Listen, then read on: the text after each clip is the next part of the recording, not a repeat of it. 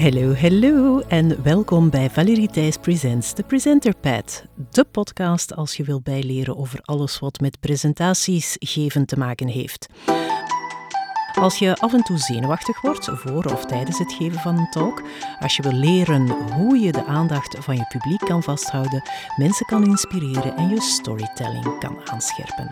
En vooral ook als je wil leren hoe je moet stralen of kan stralen op het podium, dan ben je hier in deze podcast aan het juiste adres.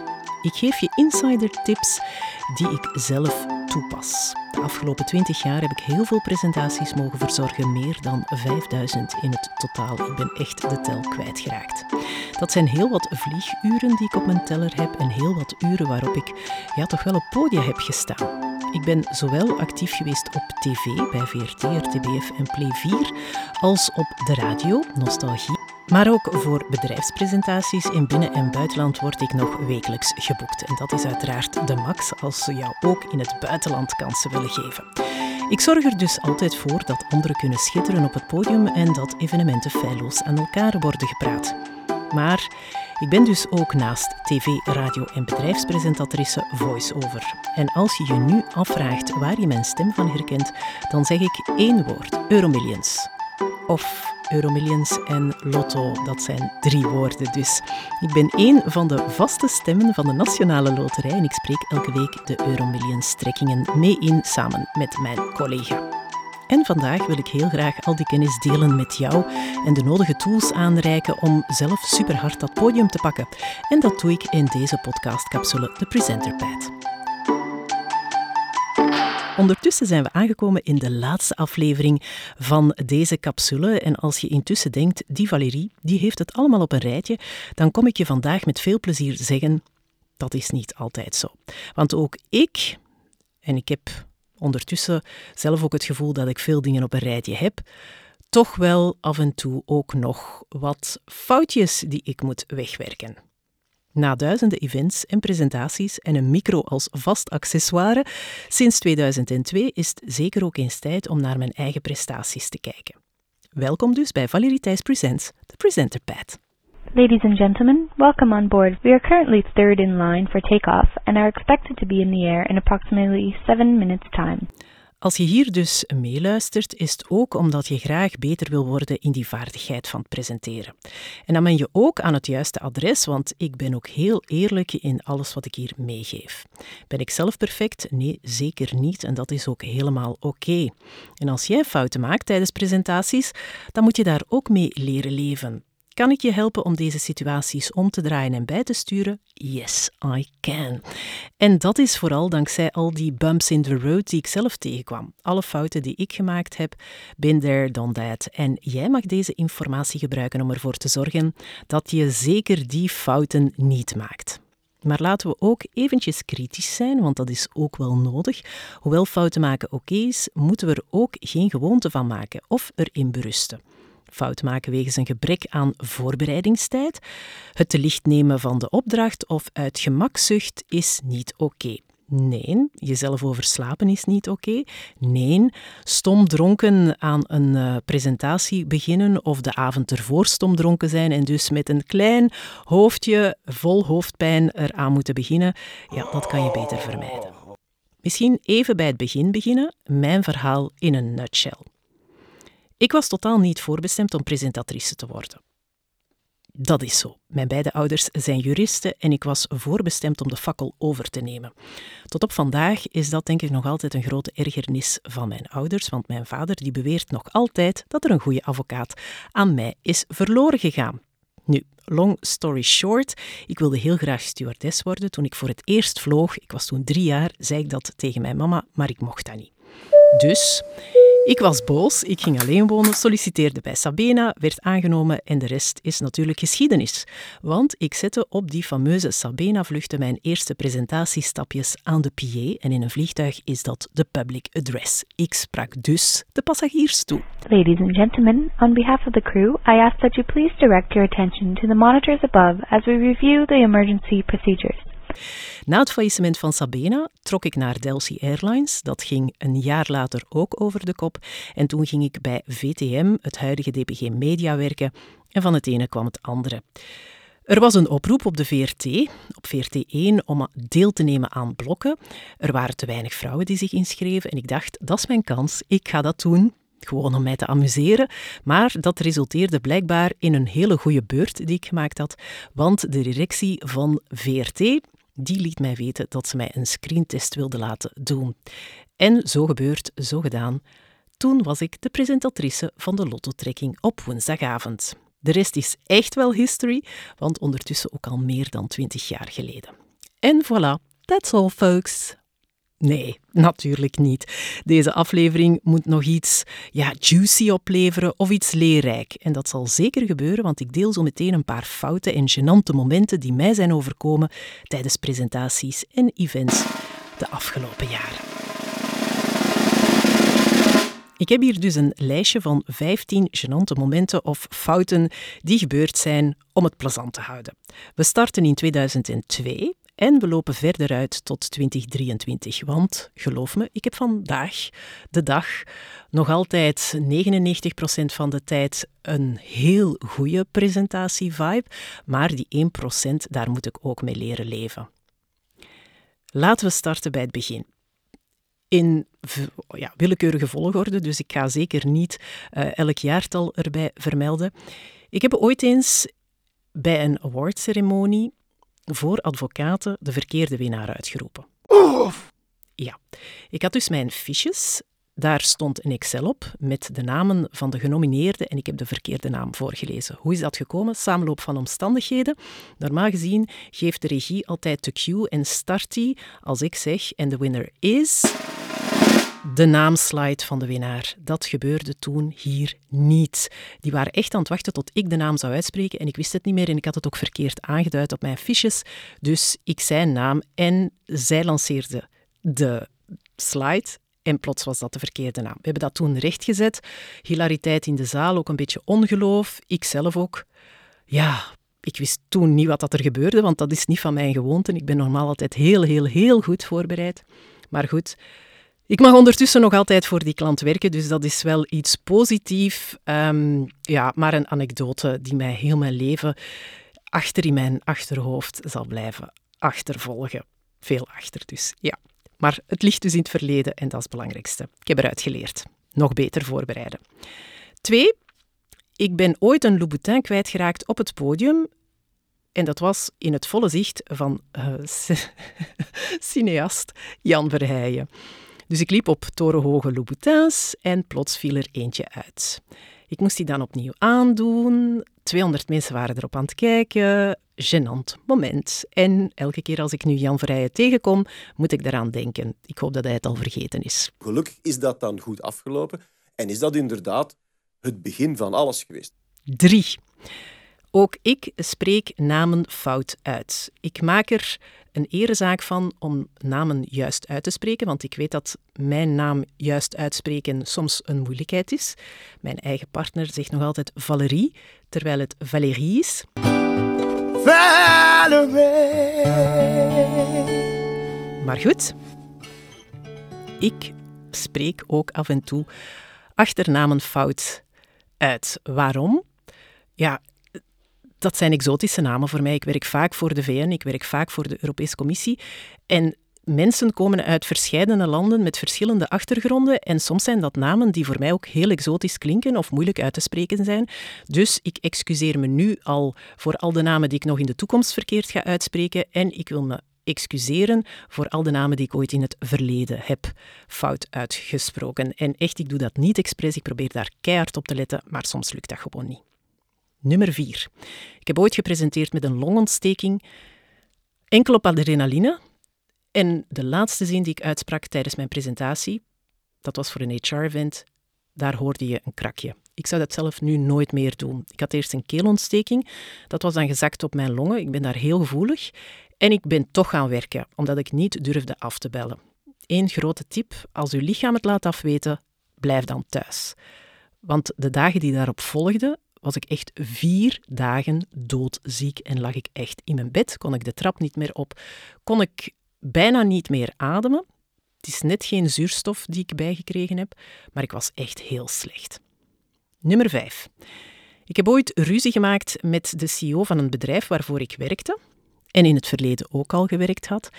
En op dat event, of beter gezegd die livestream, hadden ze natuurlijk een studio geboekt met crew. En was er ook een producer en een productieassistente aan het werk. Maar die twee mensen werden getroffen door COVID, omdat die altijd samen op kantoor zaten, waren die ook tegelijkertijd ziek. En de productie werd in mijn nek gesmeten. Met gevolg, ik moest uh, zorgen dat er ontbijt was voor de crew, ik moest zorgen dat er broodjes waren, etc. En uiteindelijk, dat is not done. Not done, waarom? Ik word geboekt om een presentatie te geven, om alles feilloos aan elkaar te praten. Ik concentreer me daarop. Gasten, teksten. En plots moet ik mij nu ook bezighouden met catering. En hoewel dat een kleine moeite is misschien voor sommigen die hier zullen denken van, allee Valerie, waar lig jij nu wakker van? Wel, ik was daar niet gelukkig mee. Ik heb daar ook een post over gedaan zonder het bedrijf te noemen. Doe ik nu ook niet. Maar de CEO volgde mij blijkbaar. Ik wist dat wel, maar het kon mij op dat moment ook weinig schelen. Die heeft dat gezien, die heeft zich persoonlijk aangesproken gevoeld, die heeft mij gebeld en die heeft mij de huid volgescholden. Helemaal prima hoor, ik werk niet meer voor dit bedrijf, mede omdat ze mij ook niet meer boeken ja, fair enough. Maar ook omdat ik niet meer wil werken voor hen, want deze opdracht was altijd al onderbetaald geweest. Ik heb dat een paar jaar gedaan en dat was zo van, ja, maar dat is een opdrachtje zo s'morgens tussen 7 en 10, daar kan je geen volledige fee voor vragen. Hier, dat is wat dat wij aanbieden. En in de tijd, toen in die tijd, Lang geleden vond ik dat nog oké, maar uiteindelijk waren de tijden ook geëvolueerd en vond ik toch wel dat ik een, uh, ja, een prijsverhoging, een fee-verhoging verdiende en zij vonden van niet. Dus ik ben uiteindelijk blij dat ik niet meer voor die mensen moet werken. Onderbetaald um, en met veel te veel verantwoordelijkheden die je op dat moment soms ook niet kan nemen, omdat je je moet concentreren op je core business. En voor mij was dat die presentatie. Nummer 6. Ik heb het al verteld in een vorige podcast. Ik heb ooit een panelgesprek geleid waarin iemand een uitspraak heeft gedaan een persoonlijke titel, maar die in verkeerde aarde is gevallen bij kijkers en luisteraars en mensen die aanwezig waren. Ik heb mij daar achteraf voor moeten excuseren, omdat ik niet ingegrepen heb tijdens het panelgesprek. Nu, ik vind dat het nog altijd valt onder de noemer persoonlijke uitspraak en minder onder uh, ja, het, het doen, wat je eigenlijk moet doen als je een gesprek leidt. Zorgen dat niemand geschoffeerd wordt. Maar blijkbaar was dat zo hard aangekomen bij sommige mensen dat ze dat uh, ja, absoluut onbetamelijk vonden en heb ik mijzelf moeten excuseren. Uh, ik vind nog altijd dat ik mijn job goed gedaan heb, maar dat is wel voorgevallen. Nummer 7. Sommige klanten hebben geen boundaries en gaan erover. Vragen te veel, vallen u lastig, op late uren, sturen te veel mails met onnodige informatie, verwachten dat jij op elk moment van de dag voor hen klaarstaat, wat ten koste gaat van andere presentaties, andere klanten. En vooral, ik stuur altijd een offerte, of mijn management stuurt altijd een offerte door, met daarin expliciet hoeveel tijd en energie we daarin gaan steken. En als dat dan niet gerespecteerd wordt en je wordt daar niet extra voor betaald, of je doet het al aan een vriendenprijs, wat soms het geval is, ja, dan is dat wel zuur. Dus respecteer ook je eigen grenzen. Nummer 8. Ik ben ooit te familiair geweest met een klant, dat heeft me een job gekost. Ik was geboekt om een presentatie te geven van een galaavond en tussen de verschillende presentaties door was ik ook uitgenodigd om aan tafel mee plaats te nemen. En ik zat naast een dame die een heel fijn gesprek met mij voerde, uh, ook een heel persoonlijk gesprek en dat bleek de echtgenote te zijn van iemand uit het uh, uh, hoger kader. Goed, als bedankje achteraf, na de presentatie, had ik de gewoonte om de mensen een doos chocolade op te sturen. Uh, nee, dat is dus uh, ja, geen bribery of geen omkoping, maar gewoon een bedankje met een kaartje ertussen. En ik had erbij geschreven naar die persoon, want dat was eigenlijk degene die verantwoordelijk was voor dit event. En doe ook de groetjes aan uw hele fijne echtgenoten. We hadden een heel leuk en aangenaam gesprek. En dat is in verkeerde aarde gevallen, want de eventmanager is mij dat achteraf komen vermelden. dat het not done was. Nu, ik weet nog altijd tot op vandaag niet wat ik verkeerd gedaan heb, maar goed, ik moest voor dit bedrijf niet meer werken. Ik ben de volgende keer ook niet meer geboekt geworden, prima zo, tot een ander evenementenbureau twee jaar geleden aan mijn deur kwam kloppen om te vragen of ik toch niet nog voor dat bedrijf wilde werken. Wat ik op zich wel gedaan heb, maar ik had geen contact meer met die persoon. Goed, kan gebeuren. Nummer 9. Ik ben een slechte onderhandelaar. Ik onderhandelde vroeger nooit mijn fees. Ik had een fixed fee en die is heel lang, ik denk tien jaar lang, dezelfde gebleven. Ongeacht de inflatie, ongeacht de levensduur die, die gestegen was. Um, ja, mea culpa. Ja, dat is iets dat ze niet leren op school en dat vind ik heel jammer.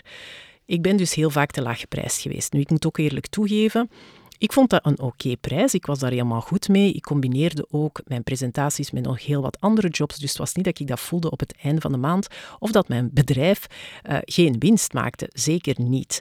Maar als ik dat vergelijk met wat ik nu factureer en nu vraag, dan denk ik dat was al heel lang veel te laag.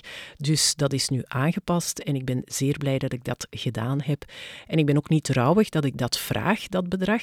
Ook als er mensen nu zijn die zeggen dat het te veel is, dat is dan jammer. Dan is er tijd vrijgekomen om andere dingen te doen en werk ik niet voor die klant. Ik weet wat mijn prijs is en wat ik verdien om betaald te worden voor wat ik kan, wat mijn expertise is. Dus ik vraag dat ook.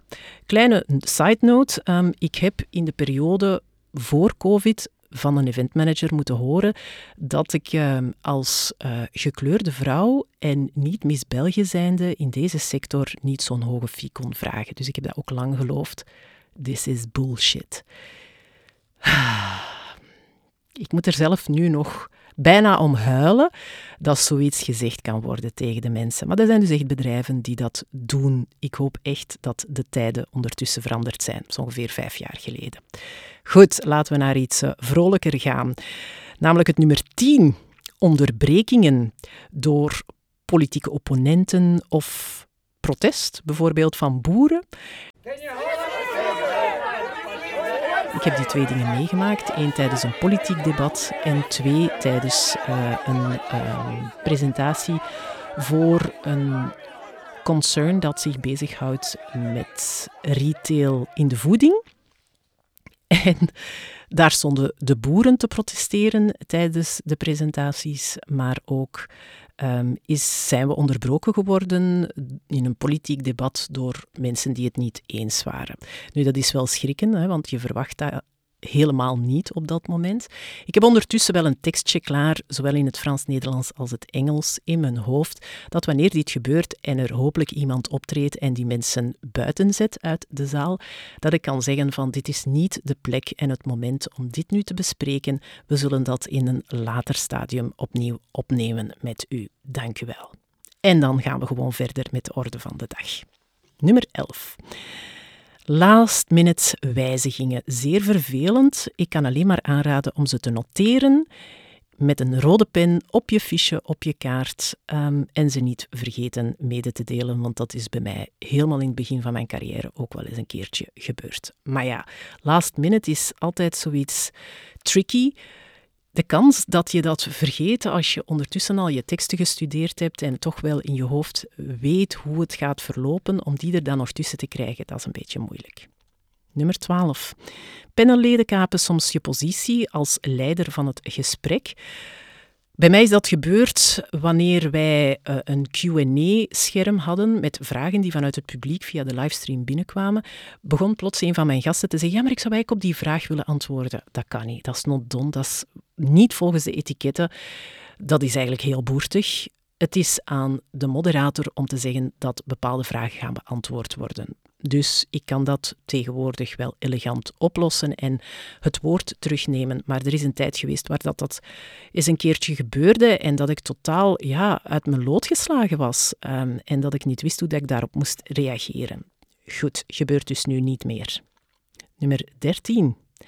Dames en heren, welkom. Dat is een moeilijke. Huh? En ik leg het nader uit. In de eerste helft van dit jaar heb ik een award-uitreiking gedaan rond diversity en inclusion. En ik begon mijn presentaties telkens met dames en heren welkom, omdat dat nu eenmaal zo is. Hè. Je bent goed opgevoed, dus je heet iedereen welkom. Dat mag niet meer.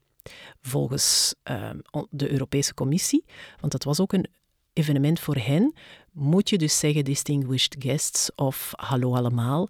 Je mag geen onderscheid meer maken van gender. En ik had al mijn teksten voorbereid. Ze zijn daar pas mee afgekomen in de eerste pauze.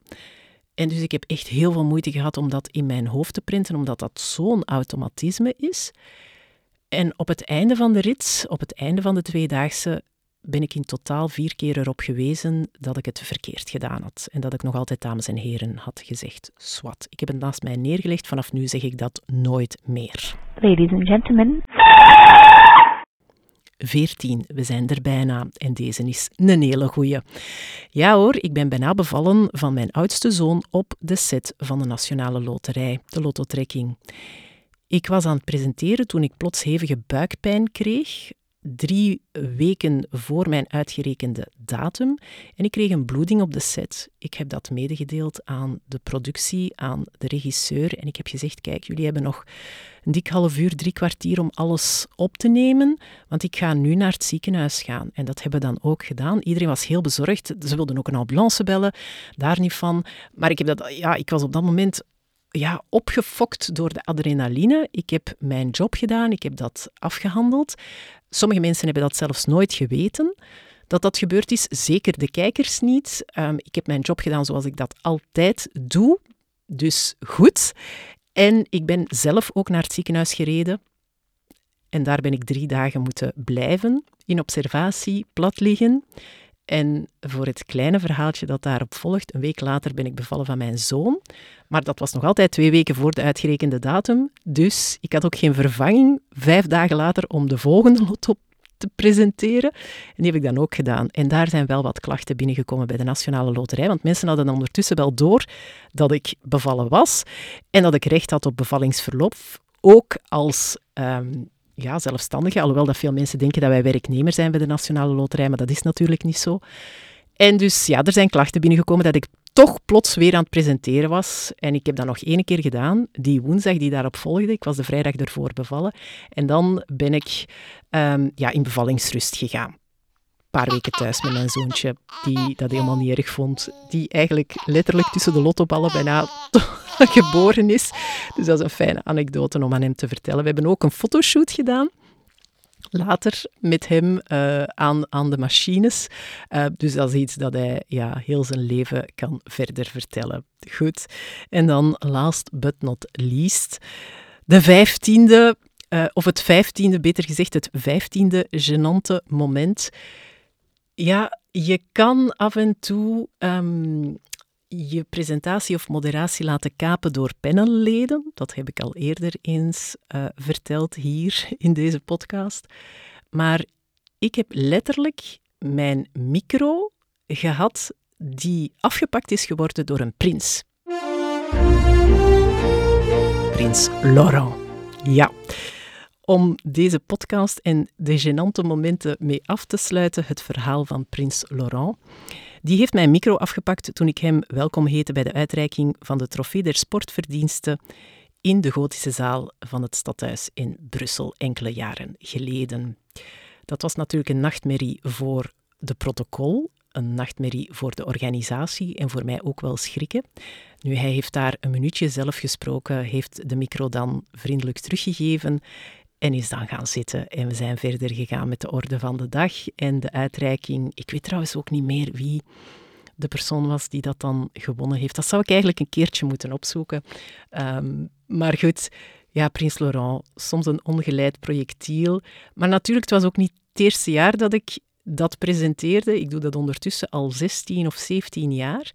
En dus ik ken hem wel elke keer ook van dit soort events. Dus het is niet dat we voor elkaar een onbekende zijn. We hebben geen uh, persoonlijke relatie of zo. Maar ja, als je mensen al een paar keer op events bent tegengekomen, ja, dan, dan klikt dat meestal wel.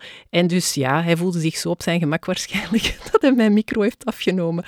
Um, grappig moment. minder grappig voor iedereen die daarnaar keek waarschijnlijk. Wat gegniffel uh, of gegriffel in de, ehm, in, in het publiek en wat stress bij de mensen van de organisatie en het protocol. Maar goed, ook dat hebben we overleefd. Fijn verhaal om dit en de 15 uh, eh, genante momenten mee af te sluiten.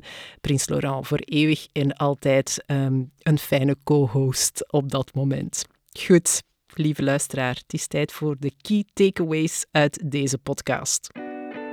Je gaat fouten maken, dat hoort er gewoon bij. Maar maak er geen gewoonte van en nog belangrijker, verschuil jezelf niet achter zelfsabotage om fouten te rechtvaardigen. Sommige fouten moet je echt vermijden. Te laat vertrekken naar een presentatie, slechte voorbereiding, dat zijn geen excuses meer. Dat heb je zelf allemaal in de hand. Heel eerlijk zijn met jezelf en jezelf evalueren na elke presentatie is ook heel belangrijk. En eigenlijk. Nazorg een van de belangrijkste dingen die je kan doen. Want uit dit falen, uit die fouten, uit die ambetante momenten kan je leren om elke keer beter te worden. Dus vraag zeker ook feedback aan anderen. Wees kritisch met een gezond vleugje liefde en mildheid voor jezelf.